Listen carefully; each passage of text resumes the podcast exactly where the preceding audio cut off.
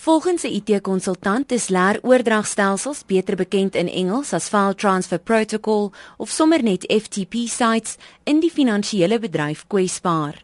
'n FTP-site is eenvoudig gestel, 'n ruimte, gewoonlik op die internet, waar data in leers gestoor word. Die IT-konsultant van www.pastelsecured.co.za, Johan Pinaar, het verlede week so 'n kwesbaarheid in Sage Pastel, 'n gerespekteerde rekeningkundige sagteware maatskappy, se programmatuur vir kliënte ontdek. En die heel eerste vlak was en dit wat ons laasweek in in Woensdag ontdek het, is dat het 'n publieke FTP site en op die publieke site het hulle maatskappye se inligting geplaas sonder om enige stappe te neem om daardie inligting te beskerm. Met die wagwoord wat hulle voorsien het kon ek benewens die gewone leer wat jy op 'n FTP support site sou verwag het daar fisiese data van omtrent 30 maatskappye gesit. Die tweede vlak van die probleem het ontstaan dat nadat ek die data afgetrek het omdat ek baie kliënte het wat pastel gebruik gaan ondersoek instel het na hoe veilig hierdie data is sou van my kliënte se data in 'n soortgelyke manier gekompromiteer wees. En daar het ons ontdek dat die database, die data wat ek afgelaai het, is in wese 'n database wat ek eenvoudig deur in Pastel in te gaan en 'n tool te gebruik wat saam met Pastel geïnstalleer word en wat ook op die internet beskikbaar is, die data kon oopmaak.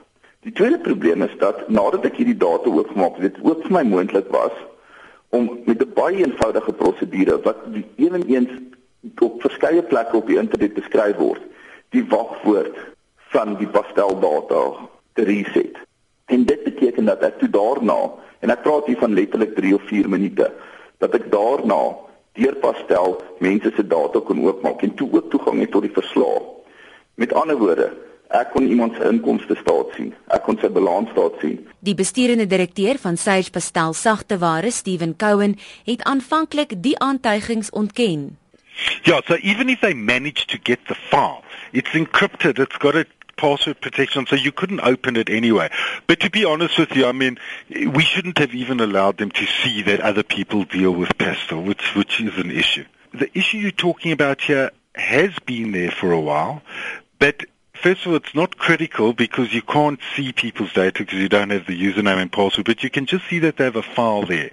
But to answer your question correctly, it has been there for a few years, but because you still don't have the username and password, it hasn't been a big risk. But I think that now that people are more sensitive to it, we, we even have to close that down as well. It's like you driving down my street. You can see my house is there, but you can't open it because you don't have the key. Pinaar het egter bewyse van die verdere vertrouensbreuk in sekerheid. Hy het vertroulike inligting van 'n niks vermoedende sakeonderneming in die weste van Johannesburg aan Monitor gegee wat Monitor daarna opgevolg het. Die eienaar wat net bekend wil staan as Craig, was geskok toe Monitor hom inlig van die vertrouensbreuk. Well, I had a data problem and there was a problem with a transaction that wasn't loaded when we moved over to the new Sage. To the pastel version and I was told to upload the the file and they can do the manual correction and uh, send it back and it's all honky dory and confidential. So they they told you that this will be confidential and in fact because I have the information it's it's of clearly course. not. I mean why would I release that kind of information if it wasn't? Cohen van Sage Pastel het so reageer toe ons hom weer kontak met die bewyse. Talking about 0.01% of our users maximum. So it was possible to copy somebody else's data and put it on your computer. And if somebody was technical, they could go and get a database tool and uh, look at your data.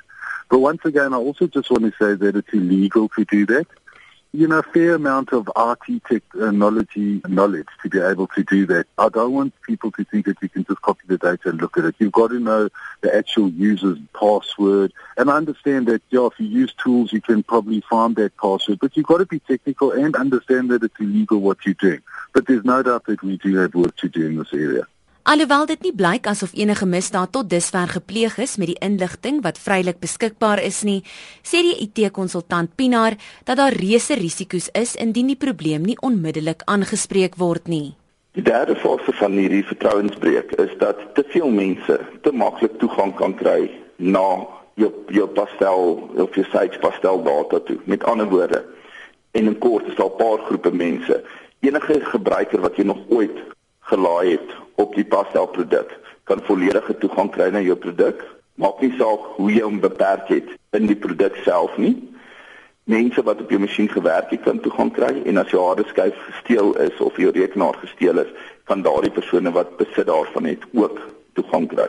Vertroulike data waarmee jy jou besigheid bestuur, soos jou inkomste staat en jou balans staat, dit kan aan derde partye beskikbaar gestel word. En daar's 'n baie verskeidenheid mense wat hierdie inligting kan gebruik, jou jou opponente, mense wat marknavorsing doen en probeer om jou te teiken, verskaffers.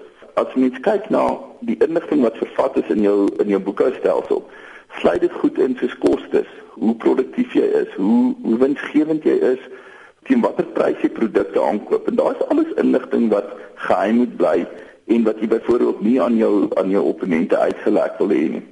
Jy's net 'n individu en hulle het jou bankbesonderhede in pastel ingevoer vir debietorde doeleindes. Dan sit ons op hierdie stadium met 'n probleem waar die debietorde of die bankbesonderhede ook ewenigs bekend gemaak kan word aan derde partye.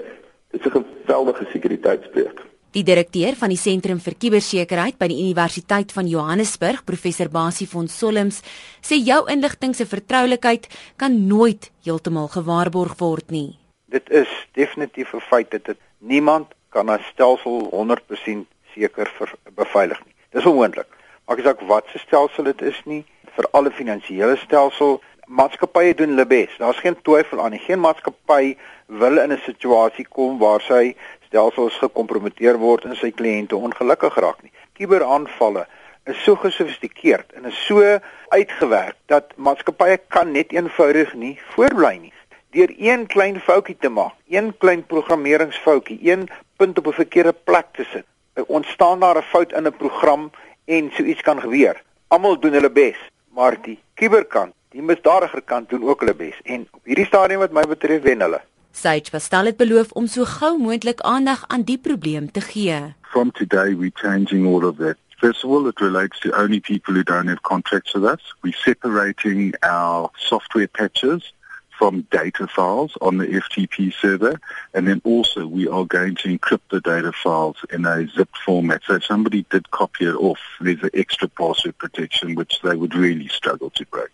Dit was die besturende direkteur van Sage Pastel Sagteware, Steven Cohen. Ek is Melissa Tuggie in Johannesburg.